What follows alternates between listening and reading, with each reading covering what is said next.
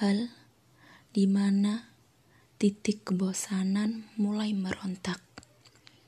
Hal yang mana menjadikanku merasa takut. Dan hal yang di mana logika dengan perasaan tak lagi sama. Tekad dan tujuan entah mengapa perlahan-lahan mulai pudar.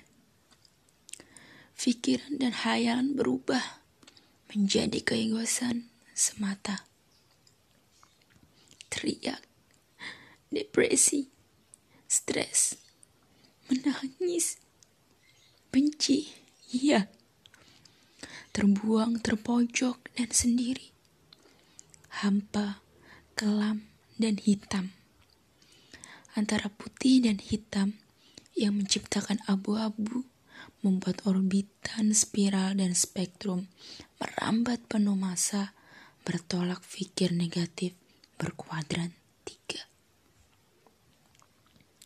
Entah bagaimana caranya menata ini semua.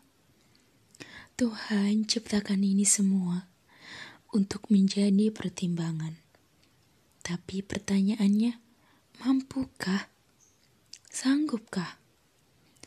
Aku tahu Kehidupan ini keras, penuh taktik, bersaing, dan saling memakan.